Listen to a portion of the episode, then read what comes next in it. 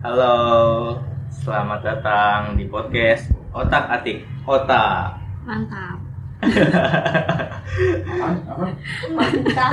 Enggak, enggak. Otak atik. Otak. Otak. Iya, Otak atik. Otak. Mantap. Ada mantapnya. ada mantap ya. Ya, oke. Eh, biasanya berdua kita, Sekarang berempat. Eh, jangan datang ke situ. sekarang berempat sama sama siapa? Sama kakak.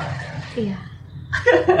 Apa kedengeran ya? Gue gue lagi ini nih ngadu Ngaduk-ngaduk es. Es. Aduk-aduk haus. Nggak boleh sebut brand. Boleh lah, kagak ada yang dengerin.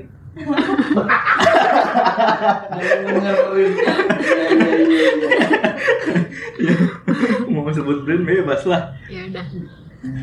Terus sekarang ngapain kita ada berempat? Ya karena kemarin ada yang nanya di Instagram dari siapa tuh? Sebut namanya nggak? Sebutin aja soalnya itu juga. Kayaknya ini akun uh, second accountnya dia ya. Namanya Iya. alme.ira. Dia dia nanya gimana? Kak aku notice yang di episode tentang kakaknya yang bisa pacaran selama itu sampai nikah. Suruh cerita dong up and down-nya dalam menjaga hubungan itu sampai halal gimana? Ada putusnya gak? Semoga bisa dinotis komen aku ya. Makasih kak. Sebelumnya kenalan dulu nggak? Eh, di sini ada kakak aku, kakak aku siapa namanya? Nama beneran nih. Ya Iya, terserah ya. Beneran aja lah. Hmm, aku namanya Nuril. Ya ini kakak aku dan suaminya Mas Riko. Justin. Justin. Ya, Rico, Rico. Rico. Justin Riko namanya. Ya ini eh eh, kakak aku sama pacarnya ini udah Sama pacaran. pacarnya. Mantan Eh, pacar. Oh suami. iya.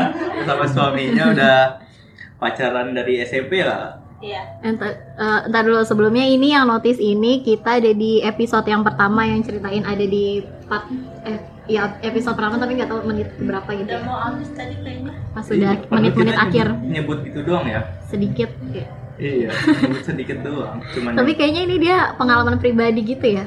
Nanya tahu gitu. deh, kayaknya coba langsung tanya aja berapa lama? Ah, bener kan dari SMP? Iya, dari kelas 2 semester 2 ya. Kelas dua semester dua. Iya. Sekitar 12 tahun. 12. Tuh. 2000. 2007 ya 2007 sampai kemarin 2019 Januari itu kita 12 tahun dan Februarinya kita buka lembaran baru Mantap Lama kan? ya, udah 12 tahun berarti ya. Iya. Banyak di ituin gak kak? Eh, dikata, di masa dipercandain pacaran lama udah kayak nyicil apa gitu. sering banget udah kayak nyicil rumah nyicil motor nyicil Mainstream mobil banget gitu. Kayak gitu ya. Terus di sini kan eh, si Alme.ira ini minta ceritain kayaknya kakaknya bisa pacaran sama itu sampai nikah. Up and down-nya gimana? Pasti kan ya pasti ada up and down-nya ya selama 12 tahun. Enggak apa yang terlintas pacaran di eh, kelas 2 SMP. Cuma suka doang apa emang? Iya, gimana? Eh, cara cara ketemunya gimana? Cara pertama kali ketemu PDKT gitu gimana? nggak tahu ya kalau itu lebih ke ini nih ke Rikonya nih. Aku dulu nggak tahu sih tapi dulu sekelas sempet sekelas. Terus yang aku tahu tuh dulu eh, si Riko ini nembak salah satu teman aku di kelas. Dan aku taunya mereka udah jadian. Dan kisah lanjutnya tanya dia deh awalnya gimana aku nggak tahu. Gimana Mas? Eh, awalnya kita sekelas kelas Ah, dua itu. Terus eh, dulu kenceng. dulu gue sukanya bukan sama dia. Sama temen ya? ya katakanlah Jarwo gitu ya. Gue suka sama Jarwo gitu. Iya Jarwo. dong. Jarwo. Jarwowati namanya kan? Jarwati Karena gue suka sama Jarwo gitu. Terus pas gue suka sama si Jarwowati itu Hmm. Gue udah gue udah nembak si Jarwowati tapi posisinya gue belum suka sama sama istri gue nih. Nah, istri gue nih. Siapa sih siapa sih nama lu ya istri gue nih si si si Nuril.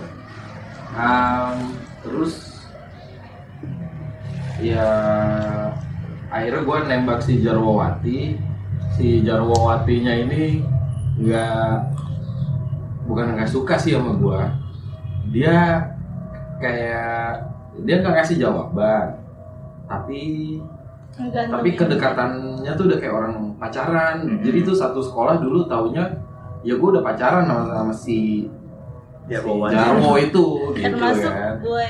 Nah ini termasuk dia nih jadi gue nggak ngarang ya. Jadi Ah, jadi emang yang ngelihat gua itu taunya ya gua udah jadian sama tuh orang gitu padahal mah gua udah nembak cuma dia nggak jawab. dia tuh nggak nggak ngejawab Eh, pada saat itu yang gue tahu dia dia juga disukain sama orang tapi bukan di lingkungan sekolah gua terus dia kayak nggak ngasih jawaban tuh kayak galau gitu Hmm. mau milih gua apa si cowok itu digantungin jadinya. Iya, jadi pasti digantungin. Nah, lama-lama ya gue nggak tahu kenapa gue berpaling bukan karena gue kenal sama sama Nuril. ya kenal lah orang sekelas Bukan, cuma bukan. nggak deket Enggak, itu bukan alasan gue untuk berpaling dari dia. Hmm. Pokoknya capek gitu lama-lama di digantungin kayak udah hilang gitu aja perasaan gue.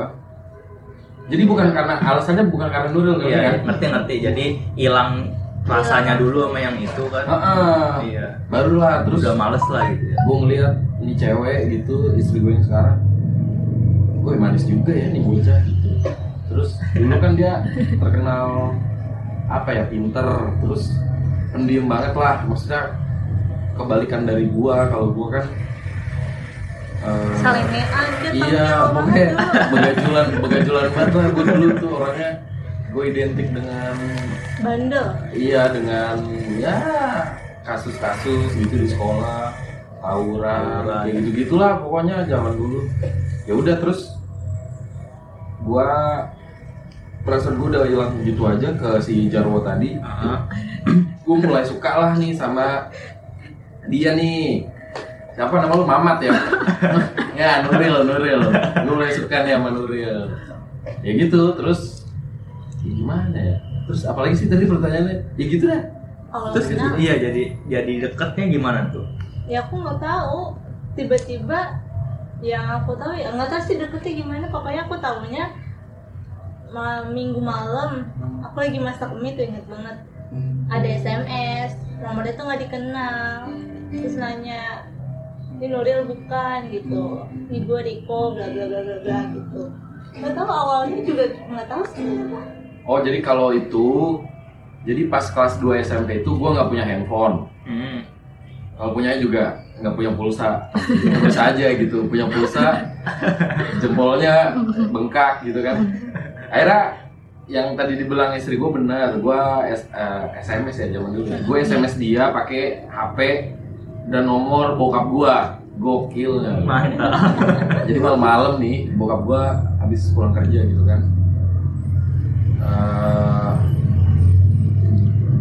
gua nggak ngambil diem-diem gua minjem gitu pak aku minjem handphone minta pulsanya dikit ya nih ada perlu nih nanyain tugas gua alasan kayak gitu pokoknya gua alasan apalah yang bisa gua Minjem biar iya bisa minjem. biar gue bisa minjem handphonenya akhirnya ya udah dikasih terus gua dapat nomor dia tuh gua nggak nanya langsung sama dia Hmm. nanya sama dulu gue punya teman namanya Sharon nah Sharon itu em, bisa dibilang teman dekat gua bukan teman dekat Nuril dari kelas 1 tuh eh, dia emang teman dekat gua si Sharon itu karena kita dulu sekelas Hmm. kalau sama Nuril gua kelas 1 nggak sekelas gitu Kelas Nah. dua, kelas 2 tuh baru sekelas nah udah gitu si Sharon emang orangnya eh, apa ya dulu tuh dia seneng banget yang namanya nge, nge- apa ya, comblangin Oh iya iya. comblangin orang gitu jadinya pas banget kan Dut kan gue panggilnya si gendut Dut lu cari tahu deh nomornya si Nuril. Cie mau ngapain lu gini? Udah lu kasih gue pokoknya. Akhirnya gue dapat nomornya tuh dari dia terus gue SMS kan. Gimana SMS saya ya kayak gitu kan. Gue nanya ini beneran lu apa bukan? Terus gue ngaku ini gue terus gue nanya apa lagi ya? Udah makan belum? lagi ngapain gua nggak lagi ngapain? Terus terus spesifik ada nanya tugasnya juga awal-awal Oh, gitu ya? terus saking bingungnya aku mau balas lagi ya aku nanya aja gimana malam minggunya mas sama si Jarwo itu? Terus habis itu kamu ngaku deh. Oh iya. Jadi gua nggak tahu ini cewek si Nuril ini pada saat itu udah suka apa belum sama gua gua nggak tahu. Bukan suka dulu aku sebel banget sama lu ya terus dia nanya nanyain gua kayak gitu nanyain karena yang tadi gua bilang gua bukannya bukannya kepedean. Anak satu sekolah taunya gua udah pacaran sama si Jarwo gitu ya kan? Termasuk dia termasuk dia nih si Nuril tahunya eh juga. iya lo orang sekelas beda berapa Nah, bangku eh sorry, just info si Jarwo itu dulu juga sekelas sama kita nih bertiga Oh, nih iya. kelas 2-nya. Jadi ya kita bertiga itu sekelas sama si Jarwo itu. Nah, terus eh, udah kayak gitu dia kan nanya gimana malam mingguannya kayak gitu lu nggak malam mingguan apa gimana? Ya baru di situ gue jelasin enggak gue tuh belum pacaran sama si Ya, Jarwo. Gue ceritain lo lu bukannya udah pacaran? Dia nanya enggak. Akhirnya gue ceritain lah sedetail-detailnya. Pada saat itu sekali SMS tuh 160 karakter 300 rupiah. Oh, full full bokap gue pakai kartu as dia pakai IM3 kan gue jadi setiap Emang SMS ya? tuh lupa. iya lu pakai IM3 terus gue gue sambil SMS tuh sekali SMS berapa lembar? Gue sekali SMS seribu tuh. Gue udah ngeri tuh wah cukup kayak gini pulsa bokap gue nih. Gue cek gitu kan wah masih cukup ya udah. Terus ya karena terbatas banget kan eh, di SMS itu 160 kar- karakter gue nggak ngerti lah zaman dulu gimana gue nyingkat nyingkat karakternya tuh kamu lagi LG ngapa ngapa gimana kayak gitu ah pokoknya kayak gitu deh ya terus udah intinya udah gue jelasin terus kamu balasnya lama ya Iya. Ini orang beneran gak sih apa cuman kayak playboy playboy gitu. Orang soalnya satu sekolah tuh seantero sekolahan sting itu taunya emang dia udah pacaran kan. Iya. Saya ceweknya juga kayak gitu sama dia, dia juga ya gitu lah udah bener-bener kayak, Kayak pacaran. pacaran. si Jarwo itu di sekolah gelendotan mulu sama gua Iya, makanya Bener kan? pacaran. bener kan tuh gua gua bukan kepedean jadi si Jarwo ini emang tipikal cewek yang eh, apa kayak Maunya soalnya jam jam istirahat gitu Kantin bareng. Jadi gua anterin yuk mana kantin gitu ya udah ya gua selama dia bayarin gua ya, ayo gitu ya kan ya dulu si Jarwo tuh emang emang orang inilah. Ada. pokoknya banyak dah jajannya banyak banget dah. Gue sering banget ngeband dijajanin sama dia. Aduh dulu zaman dulu gue jajan cuma berapa cuma seribu apa itu gua. Buat naik angkot buat ini. Oke, Zaman gua dulu. zaman dulu. Ya dulu gue sering lah dijajanin sama dia. Jadi ya pas dia gelendotan gue tuh kadang juga nggak maksudnya nggak enak ya diliatin orang gitu. Anjir nih cewek gelendotan mulu gitu kan. Cuma karena ya udah deh. Yang penting dibeliin somai gue nggak apa-apa deh lu gelendotan sampai kantin nih bayarin kayak gitu sih. Terus dulu emang eh, ya gue jujur gue suka sama si Jarwo itu. Cuma ya tanpa status ya. Terus? Hah? Gak dia PDKT Iya. aja? Nggak tahu aku nggak tahu. Tiba-tiba dia SMS aja. Awal eh, dia PDKT juga nggak tahu caranya gimana. Emang kamu ada Terus- PDKT nggak sih? Hah? Terus kok bisa jadian kalau nggak ada PDKT gimana? PDKT gimana ya? Eh, gue paling kalau di kelas cuma ngeledekin dia doang, nyeselin dia. makananku suka diambil kalau dari kantin tuh makanya Soalnya- benci banget sama dia Soalnya gimana ya? Susah deketin deketin si Nuril ini karena dia terlalu pendiam anaknya. Terlalu pendiam, terus apa ya? Pokoknya gimana sih? Cowok gitu, gua bad boy banget deketin cewek yang pendiam, terus pinter, rajin. Ya gimana ya? Jadi gua kayak anjir gua harus gimana gua deketin cewek kayak gini gitu. Penasaran. iya, kalau gua pas deketin Jarwo, Jarwo emang orangnya eh, sebelas dua belas gua nggak bilang dia bad girl, no, cuma orangnya tuh lebih terbuka. Iya, iya. Lebih terbuka, maksudnya eh, rame lah gitu Iya. orangnya. Gampang di Gampang. ajak Diajak. ceng-cengan Nah, gitu iya. kan. Beda sama yang tipikal pendiam. jadi ya ya udah gue seakan nanya aja dulu pendekatan gue gitu gitu aja sih. Terus? Terus gimana? Jadi menurut jadi suka gimana? hmm, awalnya sih nggak suka cuma bilang ya udah jalanin aja tapi backstreet enggak terus yang bikin lu kan bilang nggak suka terus Iya. yang bikin lu nerima apaan? Iya. nggak Ya, tahu. aneh kan? Nggak tahu. Aneh kan? Nah, harusnya harusnya dia Iya, yang udah. tanya Iya. kalau gue udah beralasan. Nggak tahu kenapa ya dulu tuh ih lupa aku ih. Pokoknya awalnya dia nembak tuh selama kan nggak aku balas tuh aku mikir beneran nggak sih nggak sih? Ah jalanin aja lah dulu. Kalau bener ya udah kalau nggak bener ya udah gitu doang. Jadi kayak masih gantung gitu. Ya udah jalani backstreet udah sih ketahuannya juga gara-gara dia aku minta backstreet dari sekolah. Tapi itu pas jadian eh, masih dekat sama Jarwo atau gimana?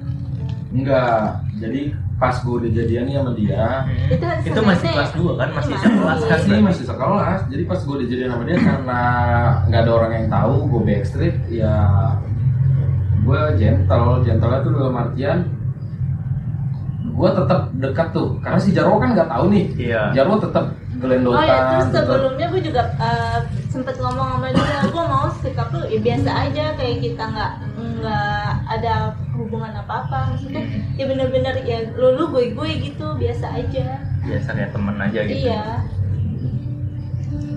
Terus gimana lagi?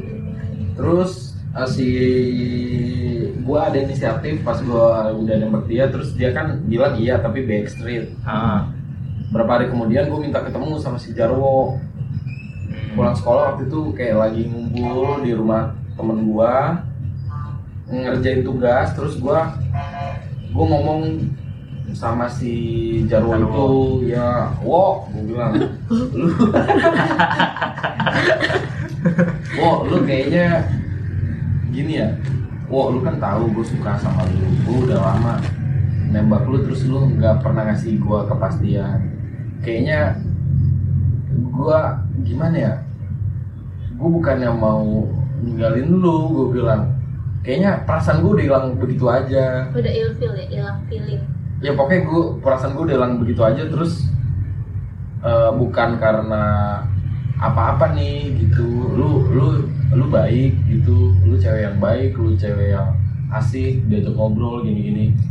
Cuma gue udah terlalu lama nih nungguin lu gitu. Walaupun gue gue menghargai selama ini lu tuh udah kayak cewek gue banget walaupun lu nggak kita nggak ada status gue bilang kayak gitu kan. Terus si Jarwo Jarwonya itu kayak sedih pengen nangis gitu gue juga anjir gue seumur hidup gue baru kali itu gue kayak ngerasa kayak ngerasa gimana ya? Kayak ngerasa gimana sih lu lu bilang lu bilang putus ke seseorang yang tadi tuh orang su- lu suka banget sama dia terus pas lu memutusin tuh bukan karena ini ya pokoknya perasaan lu tuh udah hilang aja. begitu aja. Bukan lu gue tuh berapa bulan coy di bukan digantungin ya. Dia dia tanpa dia status ya tanpa status kayak gitu. Terus gue bilang dan karena gue udah dapat banyak info dia tuh sebenarnya dekat juga sama cowok lain gitu yang bikin dia tuh galau pengen ngeli gue sama apa tuh Iya. orang. Jadi gue bilang ya udah lu sama dia aja gitu. Gue nggak tahu kenapa gue udah perasaan gue udah hilang. Terus ya udah kalau gue nggak bakal ngejauhin lu kita kayak biasa aja. Cuma jangan terlalu Dekat. deket kayak sebelumnya gitu. Karena ya ya kita udah gue udah ngomong jujur kayak gini. Gue maunya kayak gini pokoknya kayak gitulah gue bilang. Terus dia kayak pengen nangis gitu. Dia nanyain nanyain gua apa yang bikin lu kayak kayak gitu? Terus kan gua udah ada si Nuril nih. Ah. Gua nggak jawab karena kan backstreet tuh. Ah. Karena backstreet lu udah dapet cewek lain enggak gue bilang. Enggak ya pokoknya karena ini aja. Nggak tahu gue gue udah capek sendiri gitu. Ya udah akhirnya ya udah gue tinggal pergi. Gue tinggal pergi karena semakin lama gue berdiri di hadapan dia gue makin gak tega makin gak tega. Kayaknya tuh dia kayak, kayak iya nyesal banget gitu. Karena bener-bener nggak nyangka kan tiba-tiba gue ngomong kayak gitu. Padahal gue udah gak ada rasa sama dia. Ya udah akhirnya eh, setelah gue ngomong ya udah kita kayak biasa lagi walaupun agak bete-betean gitu sih sama dia. Ya gue bodo amat kan.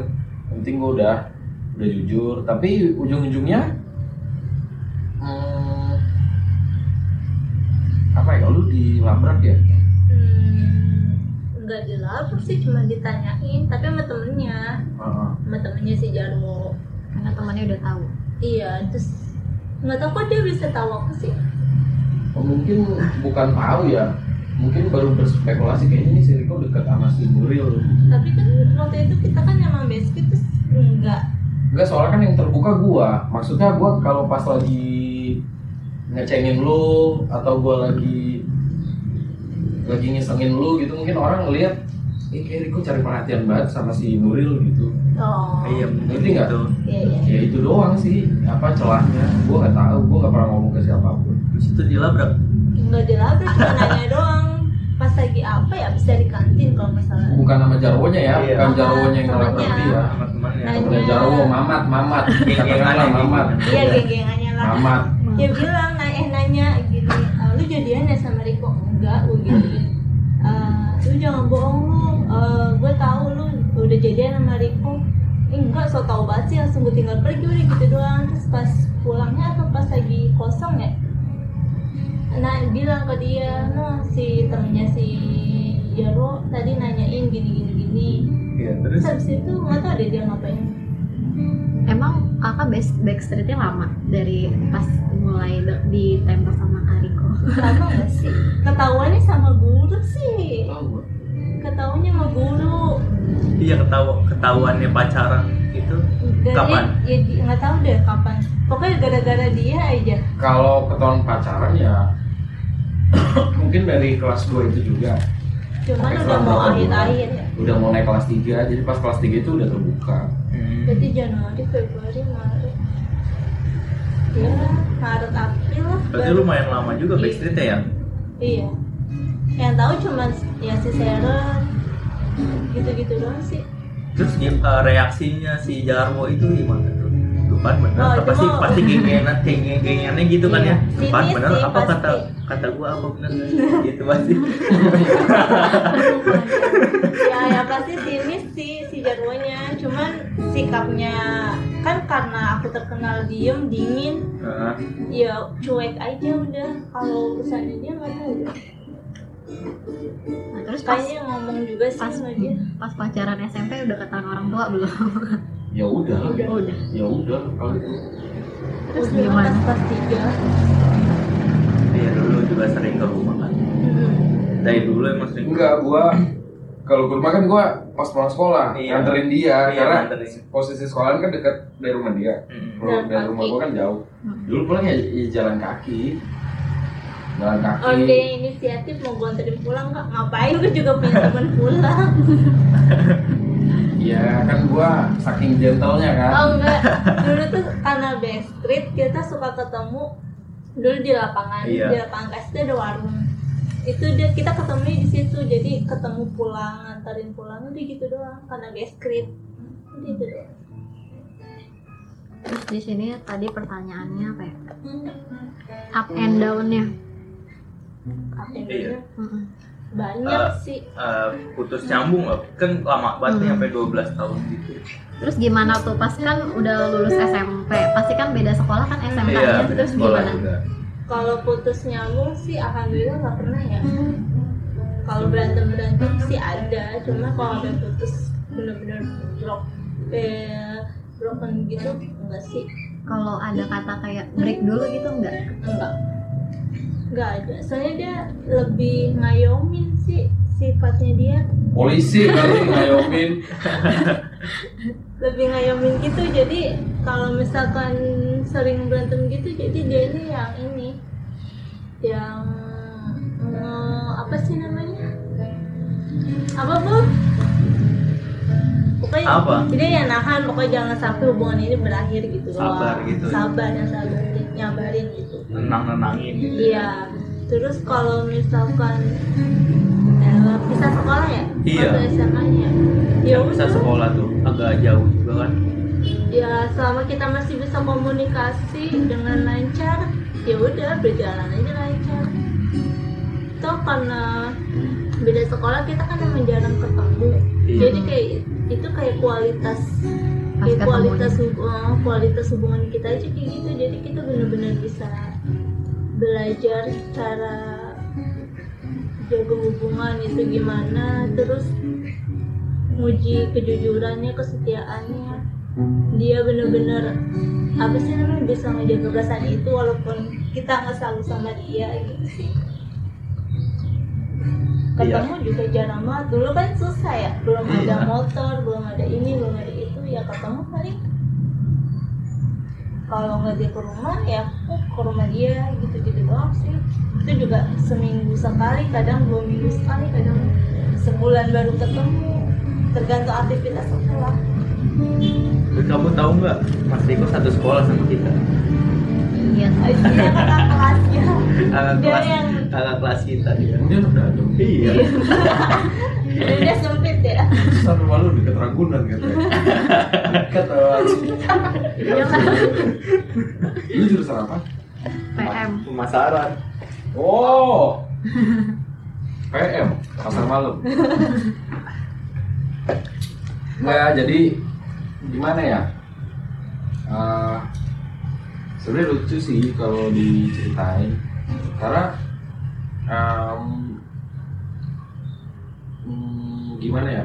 Masa-masa SMA itu kan kita jarang ketemu nih, jauh Iya. jauh lah gua ke Cilandak dia ke Kelapa Dua berapa dua ya udah gitu dulu kan eh, maksudnya jangan lihat anak-anak jangan samain dengan anak-anak SMA zaman sekarang yang bawa motor udah pasti mereka sekolah tuh rata-rata udah bawa motor, Motor. kayak gitu terus mau ngapa-ngapain lebih gampang kalau gue dulu enggak lah kita angkoters Wah gila. Dulu mah zaman zaman zaman sulit, cuy.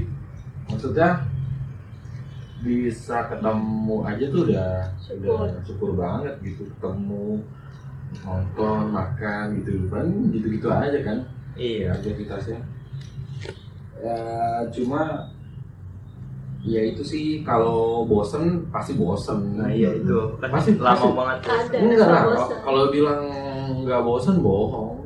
Dulu tuh sering, sering tuh dalam artian dianya nih yang bosan, terus Ah. egonya coba ngertiin, bukannya gua jadi drop terus ya udah lu kalau bosan udahan gitu. Enggak ya biarin aja dengan bosannya lu. Ya terserah lu lah, lu mau mau ngobatin rasa bosan lu kayak gimana gitu. Terus gue juga gitu pas gue lagi bosan, dianya yang lagi kasmaran gua gua guanya yang lagi bosen gitu terus apa ya Em, intinya jangan jangan terlalu ngebatasin pasangan lu Ah. untuk untuk bergaul itu sih yang paling penting menurut gua jadi bukan berarti eh, kan ada nih orang yang posesif banget iya ya sampai Maksudnya- main sama temennya juga. Iya, gua, Ngintilin. gua harus tahu temen-temen lu tuh Iya. siapa. Maksudnya lu lu cewek berapa orang yang jalan? Gua bertiga. Terus Siapa aja? ada cowoknya nggak? Gitu. Ada cowoknya. Berapa orang? Empat orang kayak gitu. Terus biasanya kan yang terlalu protektif kayak gitu malah bikin pasangan itu itu yang bikin pasangan jadi stres. Gue pun dulu kayak gitu. Gue pun dulu gitu nggak ini kalau gue kan emang dari SMP dari dulu lah bahkan gue tuh main nggak pernah milih-milih gender. Mm-mm. maksudnya kalau emang tuh cewek ya itulah intinya kalau gue kan orangnya apa barbar kalau bahasa bocah sekarang nih barbar kalau ada cewek yang mas- sefrekuensi nih sama gue barbar juga. Ya gitu maksudnya enak. Iya. diajak ngobrol enak sharing enak. Jadi gue nggak pernah pilih-pilih temen. Dia juga gitu. Jadi kalau bosen gitu aja ya kayak main main aja sama temen. Iya ngilangin penat sendiri aja. Iya, cuma eh, apa namanya? Pokoknya gua nggak tahu nih Hmm. selama hubungan gue ini dulu zaman pacaran gue pernah diselingkuhin apa enggak sama dia. Dia juga nggak tahu gue pernah nyelingkuhin dia apa enggak kayak gitu. Kalau lu nanya gue pernah break up nggak sih sama dia? Pernah break dulu nggak sih sama dia gitu? Sementara terus ntar tiba-tiba nyambung lagi itu ya bener kata dia nggak pernah. Jadi gini gue kasih tahu sama lu khususnya lu berdua nih. Karena kan Iya. Spotify nggak ada yang denger kan paling ada kita doang Iya, kecuali sama ini nih Al Almeida Almeida. Sama dia nih. entah siapa itu di luar Awas, sana awas aja dia dia komen gini kagak denger nih. Nah. nggak linknya kita DM aja ke dia nanti Iya. udah disiarin nih gitu itu apa sih namanya gue mau apa tadi ah gini jangan jangan terlalu maksa untuk mengetahui apa yang seharusnya nggak lu ketahui dari pasangan lu Hmm. wah coba itu diartikan wah ini filsafat nih Aku juga gitu ya. Aku pernah bilang sama dia. Nih, Aku pernah bilang sama dia gitu. Ya, kamu gak apa-apa selingkuh tapi jangan sampai aku tahu gitu aja. besok Kalau- selingkuh. Kalau tahu ya udah selesai. pokoknya Gitu aja. eh, lu harus eh, kenapa gue belum ngomong kayak gitu lu harus berusaha percaya sama Iya. pasangan lu Percaya aja. tapi terlalu percaya juga nggak baik tapi bukan berarti nggak terlalu percaya lu harus over over kan jadi Over. Enggak. over over protektif ke dia gitu enggak maksud gua kayak gini gua sekarang udah nikah nih terus gua nggak pernah bahas selama 12 tahun gua sama dia gua nggak pernah bahas. Lu jujur deh dulu lu pernah nggak dekat sama cowok lain selain gua? Lu pernah jalan nggak sama cowok lain selain kayak gitu gitu I don't care gitu. Sekarang tuh gua udah bener-bener gak peduli.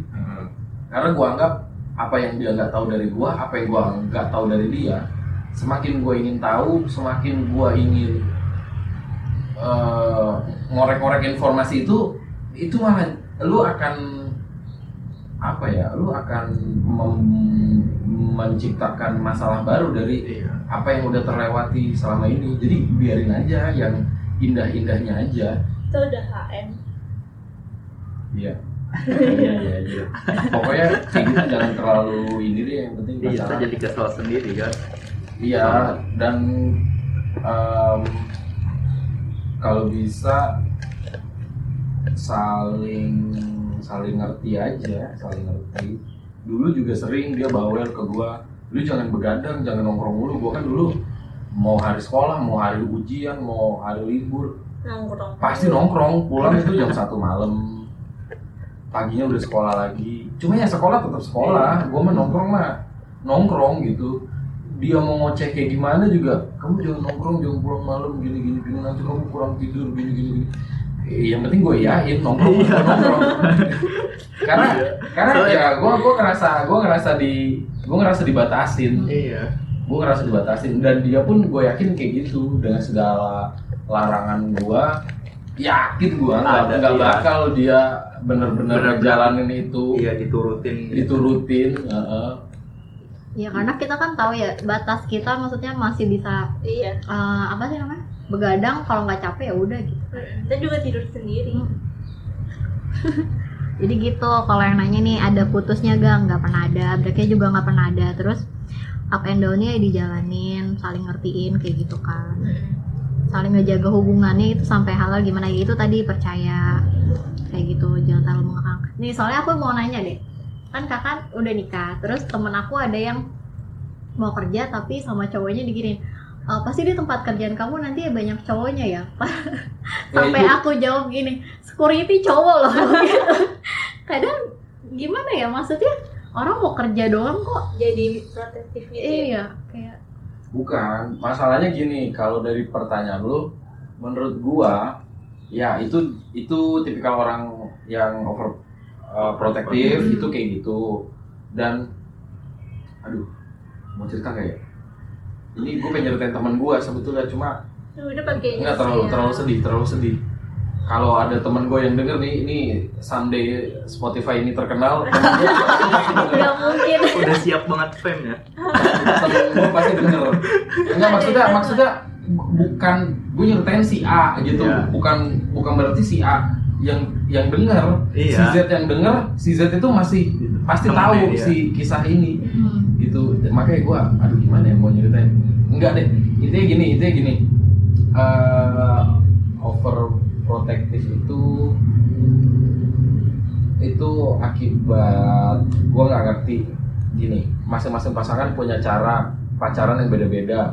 Punya apa kecenderungan aktivitas yang beda-beda. Hmm, jadi gua gua nggak bisa mukul rata gua bilang harus begini harus begitu nggak bisa nah eh, intinya kalau lu dari masa pacaran udah terbiasa dengan hal-hal kayak gitu Diprotek gitu. iya terlalu protektif kayak gitu itu sampai lu nikah Gitu akan gitu terus. itu misalkan lu kan nggak tahu jodoh ya lu jadi nih sama tuh orang Hmm. iya bakal kayak gitu Kayak gitu pasti. Kebiasaan. gitu ada yang lebih parah temen gua itu cowoknya itu temen gua cewek cowoknya dia itu dulu eh, ampe nyadap WhatsAppnya Hmm. dan begonya temen gua dia tuh tahu HP-nya tuh kayak pernah diotak atik sama cowoknya Ah. dan cowoknya pernah bilang pokoknya lu jangan macem-macem WhatsApp lu udah gua hadap gitu kan Eh, bukan dari WhatsApp web ya. Ini ini emang si cowoknya itu emang agak ngerti IT kayak gitulah. Dia jadi pakai Keylogger. pakai macam kayak backup gitu coy. Iya. jadi si Oh, back- backupan chat WhatsAppnya itu dibongkar semua. Oh iya. itu kan bisa, tuh. Bisa, bisa. dari situ tuh bisa. Tapi kan banyak orang yang nggak ngerti. Kalau gue ngerti Iya. makanya gue bilang hati-hati lu. Gue bilang cowok lu kacau banget ini begini gini gini nah akhirnya tapi temen gue nggak ngerasa mungkin karena temen gue sayang banget sama tuh orang dan temen gue ngerasa dia juga nggak mungkin macam-macam tapi tetap aja di situ diawasin kan. Iya. dia bisa baca historinya semuanya gitu. Sampai akhirnya eh, itu cewek stres sendiri. Intinya si teman gue itu stres sendiri dalam artian eh, kalau ada cowok yang ngechat dia padahal nanyain apa gitu ya teman kerjanya Iya. atau apa kayak gitu. Jadinya si cowoknya ini kayak kayak nggak suka gitu. Lu ngapain chat sama dia? Ngapain lu? Padahal Kan nggak udah ada suruh. ya. iya kan udah gue suruh ngapus kontaknya. Atau kadang mantannya si temen gue ini masih ngubungin dia padahal ya ya gue nggak tahu sih mantan ngubungin ngubungin itu salah apa enggak. Tapi menurut gue kalau konteksnya itu positif dan nggak mengarah ke hal-hal yang bisa ngerusak hubungan lu ya. Menurut gua nggak apa-apa. Itu orang punya aturan yang beda-beda lah. Punya mazhab yang beda-beda tuh untuk itu. Nah terus si singkat cerita si cowoknya ini kayak kayak ngebongkar hasil backupan WhatsApp itu tadi. Iya. Nah, ketahuan semua tuh di situ. Ketahuan semua. Terus ya temen gue bener-bener jadi apa namanya dia dia di sosmed terlihat bahagia dengan cowok itu Ah. tapi di kehidupan Aslinya. aslinya, penuh tekanan jadi ya kasihan kan Tertekan banget. ya. iya terus endingnya kadang malah lebih parah kadang lebih parahnya itu eh, kan banyak yang kejadian kayak gini. Ya udah lu pilih gue apa temen-temen lu? Wah anjing sih. Itu itu paling parah Jadi gitu sih tinggalin aja sih udah. itu itu parah sih. Tapi biasanya kayak gitu cewek.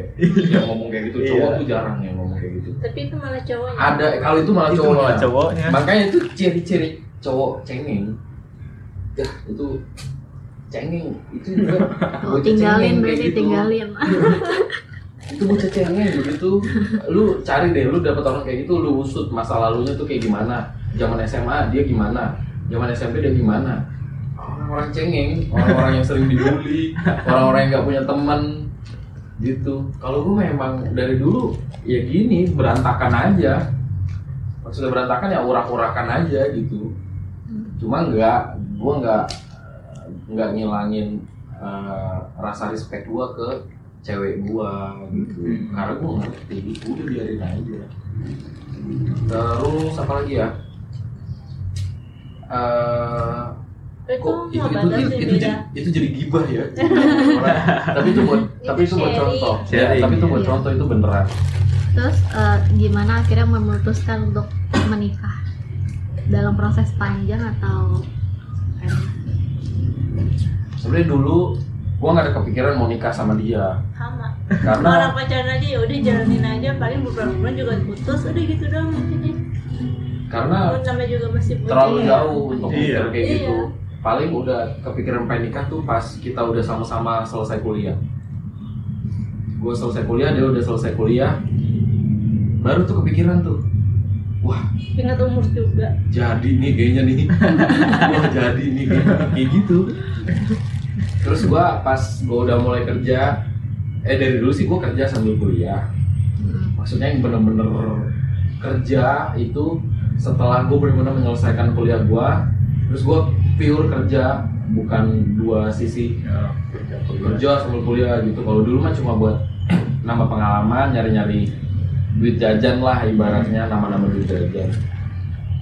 Nah pas gue udah selesai apa S1 gua itu makin ke sini makin ke sini tuh memang ada sinyal-sinyal yang beda dari dari cewek gua dari pihak keluarganya juga. Sinyal yang beda tuh dalam artian kayak nyokapnya dia nih mertua gue gitu dulu nanya pernah nanya sambil bercanda tapi ya bukan nanya yang "Eh, langsung sini kamu sini bapak mau tanya kamu kerja apa apa mau melamar kan enggak? Kayak gitu sih. Untungnya gue dapet mertua enggak. Maksudnya enggak terlalu enggak overprotective ya. Kan kalau mertua gue overprotective berarti gue ditinggalin. Jangan sekolahnya cemen berarti. Ya ngobek enggak enggak enggak enggak. Bercanda bercanda. Terus terus ya udah gua eh, apa namanya tanpa diminta pun sebetulnya gua udah ada niat. Udah ada niat. Waktu itu umur berapa ya?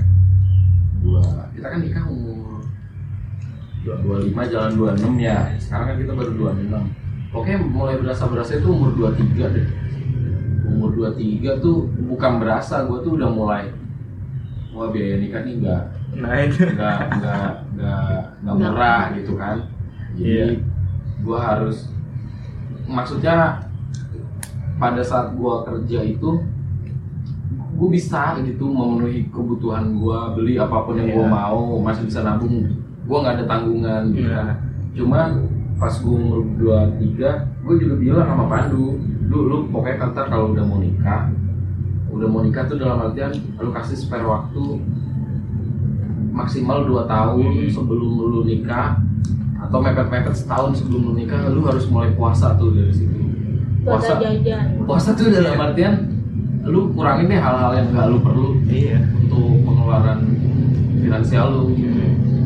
Jadi gue bilang ke teman-teman kantor gue pun juga teman kantor gue banyak yang di bawah gue atau di atas gue yang pada belum nikah. Mereka pada gue gituin.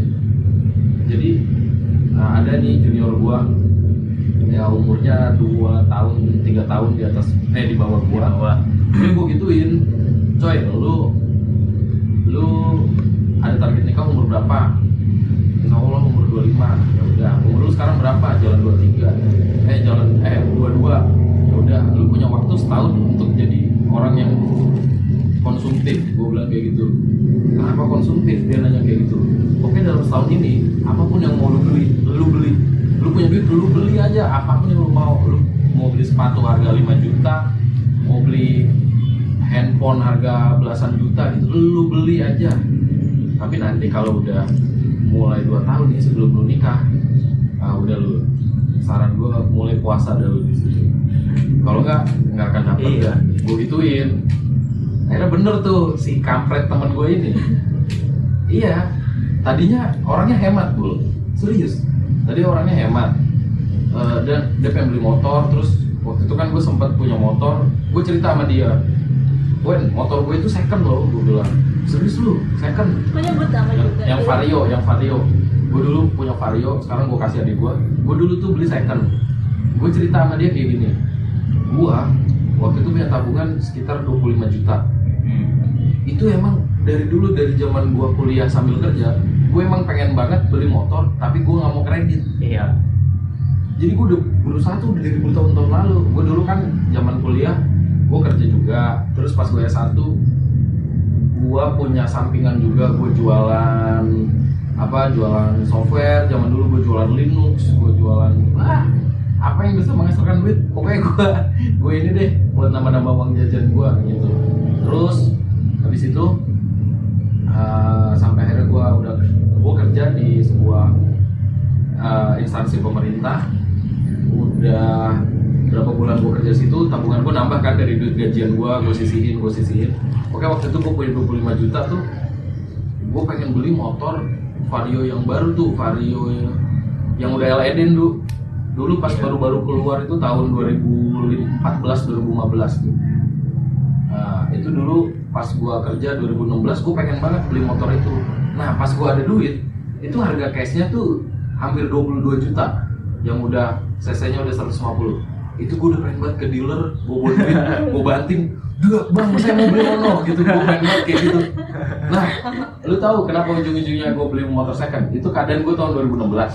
Gua nikah 2019 awal. Itu bukan terhitung 3 tahun loh, 2 tahun.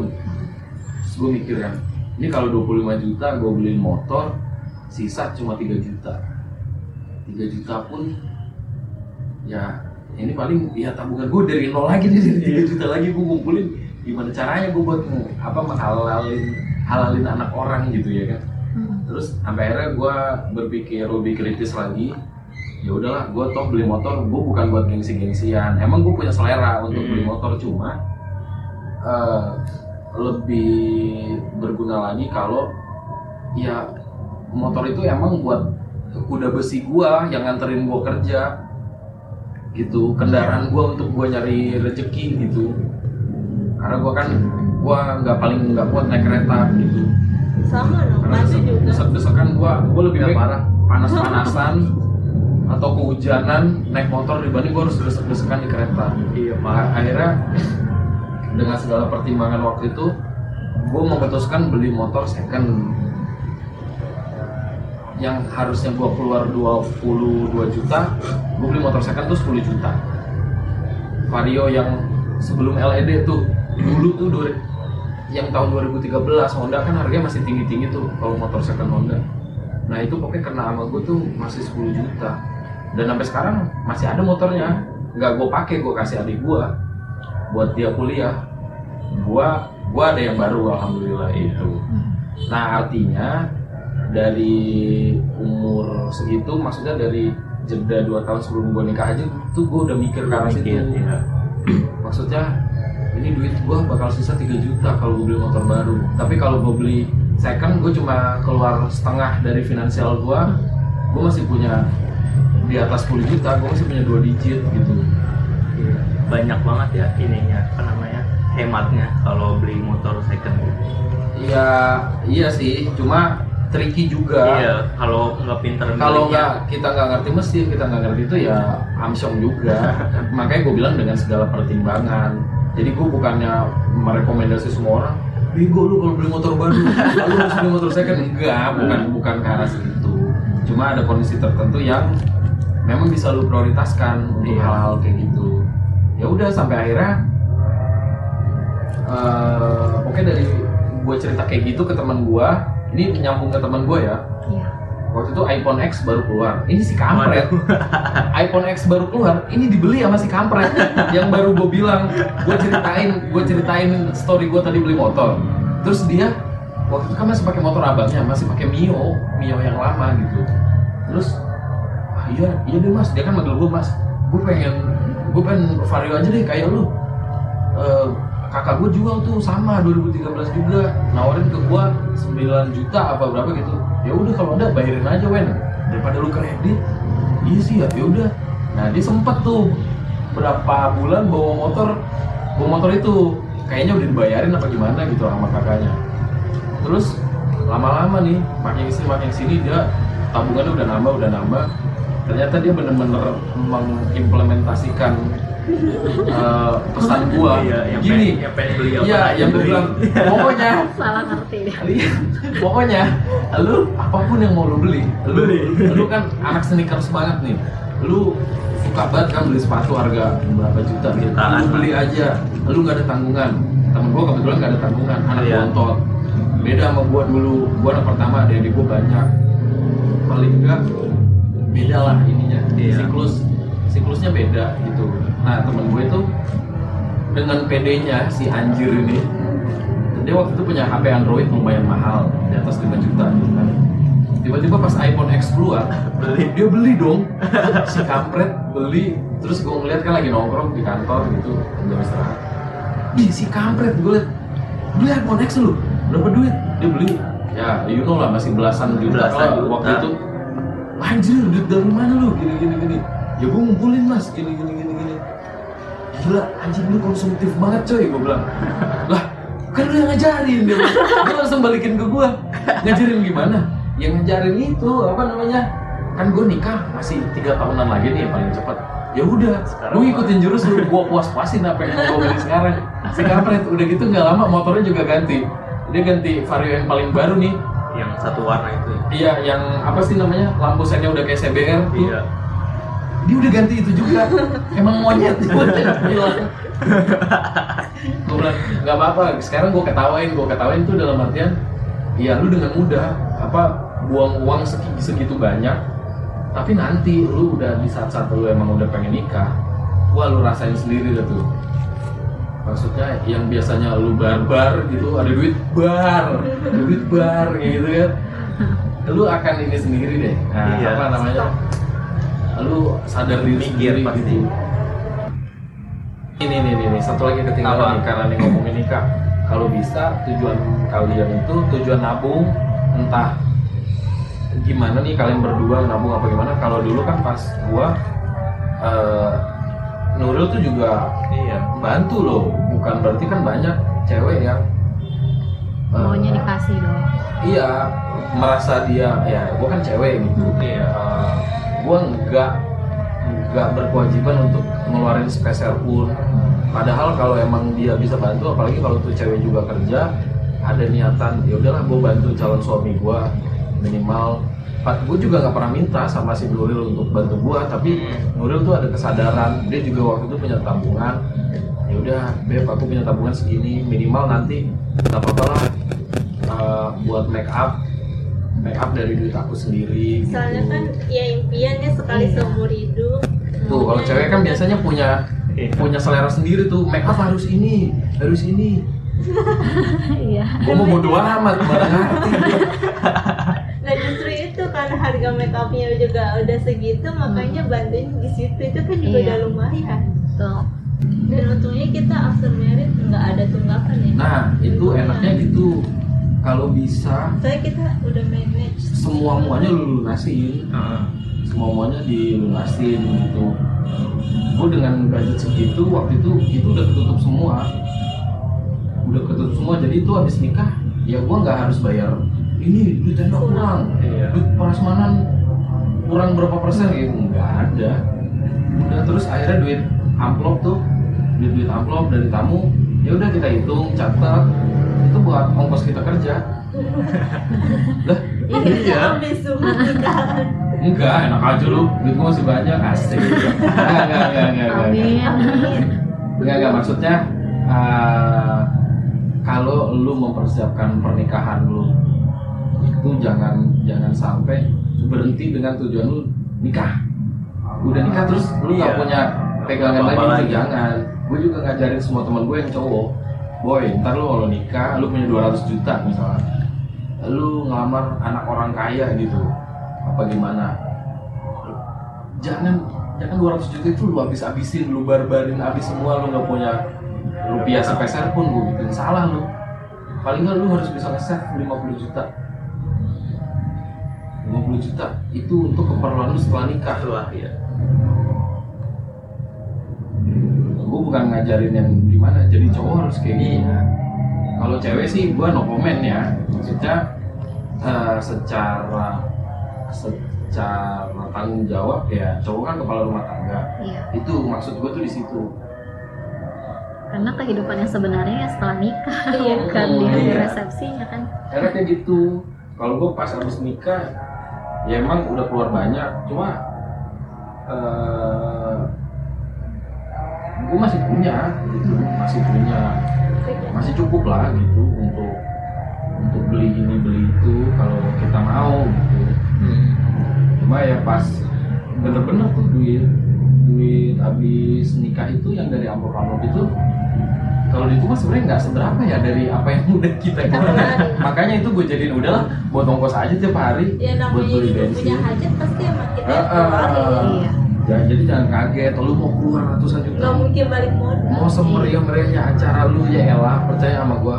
Itu kalau se- lu dari duit amplop dapat aja seperempatnya dari total yang udah lu keluarin lu tuh udah beruntung banget. Karena nggak ada yang namanya orang nikah buang hajat Balik namanya juga buang hajat cuma jualan. Iya lu jualan. Sekalian lu jualan. Jadi ya buat itu dan satu apa?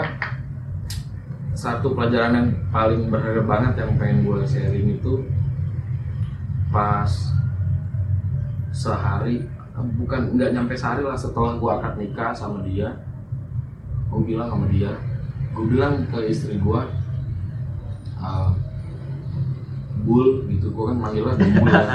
bul. Sama bul. Pokoknya lu per hari ini udah jadi istri gua apa pun yang lu lihat tentang diri gua atau lu ngeliat gue yang sekarang gitu gua nggak mau lu tuh eh, ngeliat gue yang sekarang gitu. Intinya gua gua susah lah untuk ngerti apa untuk bikin dia ngerti. Artinya mungkin saat ini di mata istri gua gua tuh udah mapan.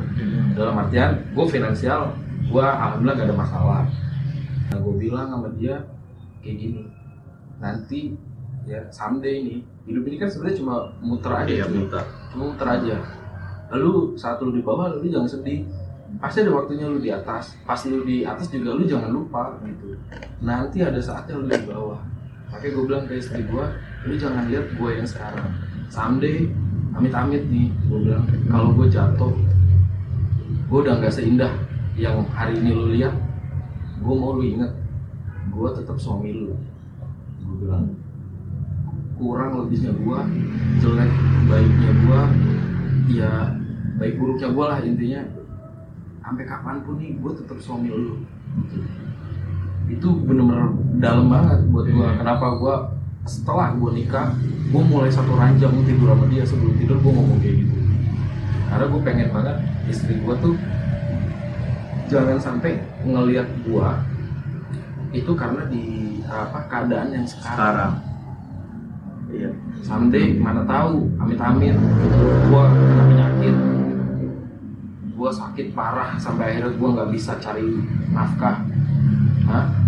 terus kalau dia terbiasa dengan apa kemewahan apa pun yang udah gua berikan selama ini pas gua lagi di atas dia jadi ah suami gue udah Iya. gak berguna lagi. Gue Iya. udah nggak ada harga dirinya di mata istri gue gue nggak mau kayak gitu. Itu kenapa dari awal gue bilang kayak gitu. Setelah gue Setelah akad akad. nikah gue ditonton sama sekian banyak malaikat semua pada berdoa. Ini malaikat tuh pada berdoa loh. Iya. Mereka pada nyaksikan loh turun dari langit untuk melihat apa akad nikah itu itu kepercayaan agama kita ya Hmm. gitu. Nah eh, jadi gue gue cuma bisa sharing itu aja. Dan gue bilang sama Nuril gue tahu posisi lu kerja gitu. Gue juga kerja. Cuma sebisa mungkin eh, selagi gue emang sanggup gue nggak akan eh, pernah ngerepotin dulu selagi gue sanggup. Maksudnya men- bagi gue istri kerja gue nggak ngelarang.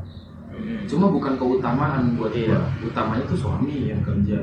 Tapi gue juga nggak berhak ngelarang. Kalau istri gue mau berkarir Iya. it's okay. Lu juga kuliah perlu biaya mahal. Orang tua lu capek juga kan dari duit sekian banyak buat nguliahin lu ngedidik lu sampai lu jadi sarjana.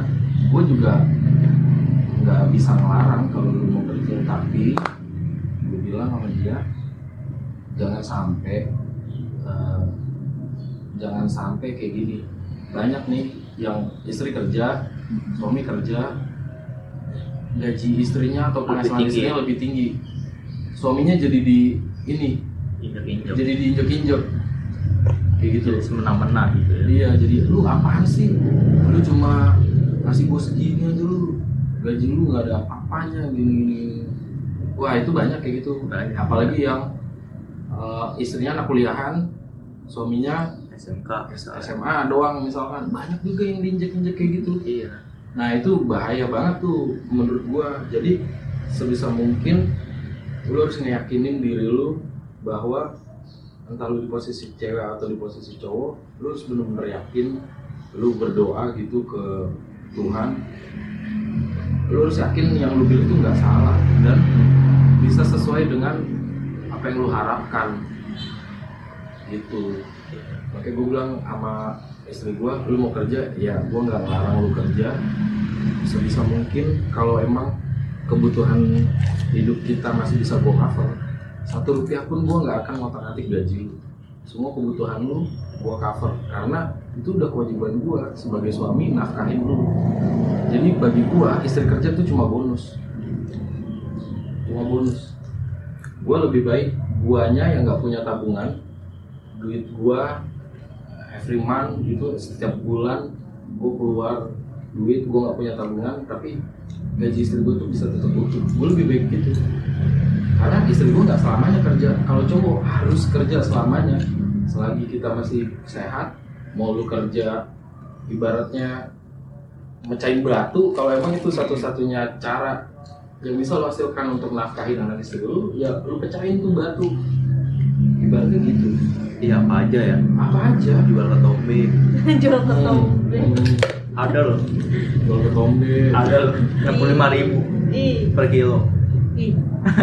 Wah bul lu ke tombean aja mulai. Oh udah lu kagak lu kagak beliin sampung mulai. Hari ini ya udah beli sendiri. Kamu ngambil di bawah. Enam lima kata dia lumayan enam bul puluh lima ribu sekilo bensin seminggu. Ya? bensin motor seminggu gitu coba ngambil apa coba. Oke kayak gitu, cuma uh, uh, mungkin itu masih terlalu kalau dibilang terlalu jauh enggak sih Enggak. buat kalian. Makanya sebenarnya gue ngomong bukan untuk yang dengerin Spotify ini, Iya. gue lebih ngomong ke lu berdua. Gitu.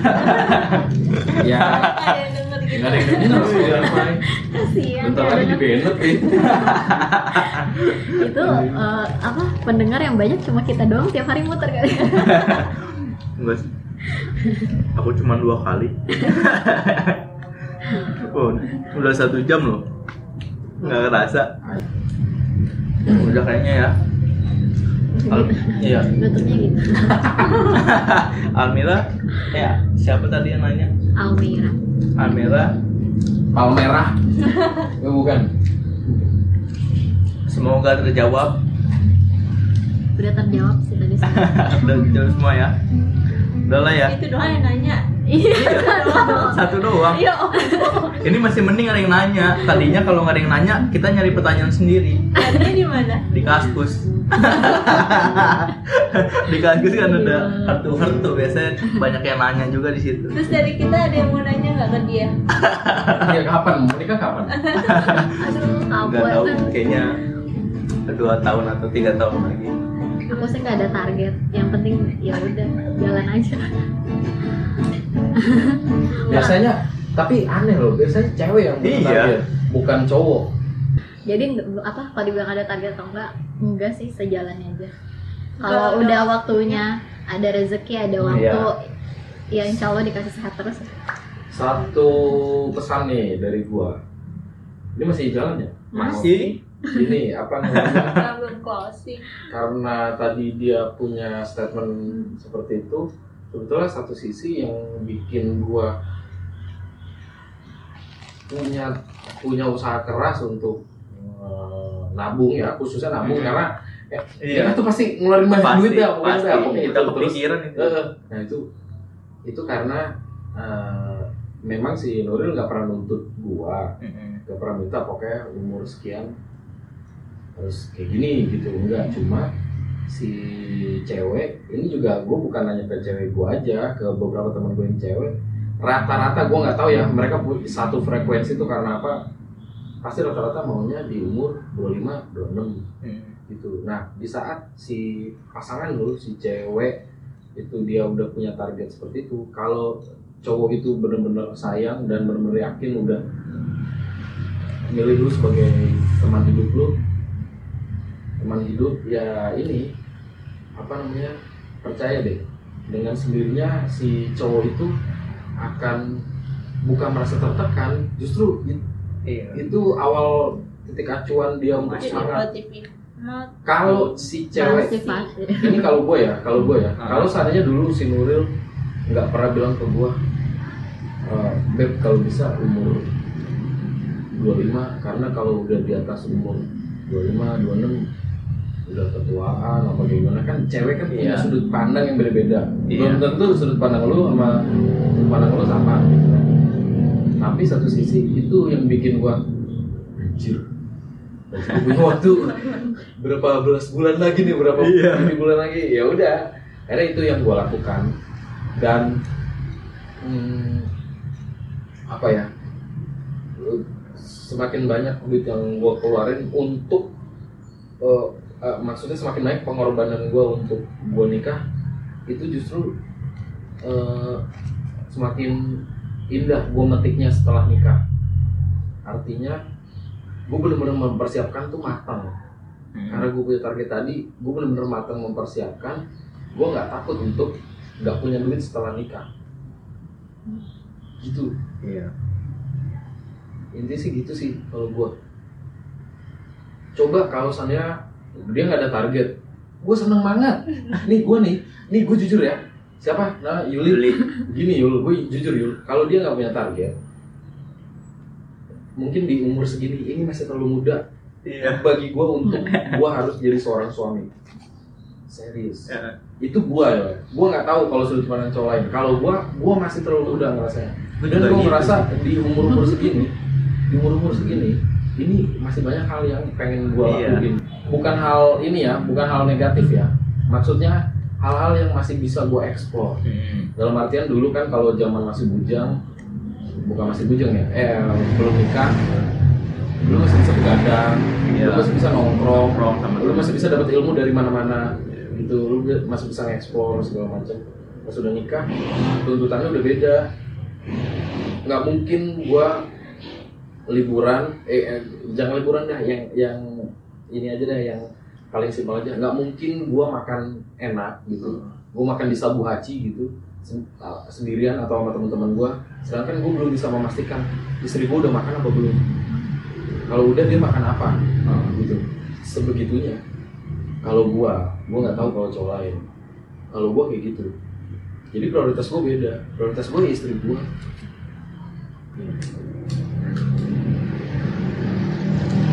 Udah ya. Tutup tutupnya gitu doang. Ya, Udah banyak kisah inspiratif bisa inspiratif. dari kakak-kakak kita. Semoga buat yang nanya dari Almeira terjawab semuanya. Lebih Iya. lebih dari terjawab.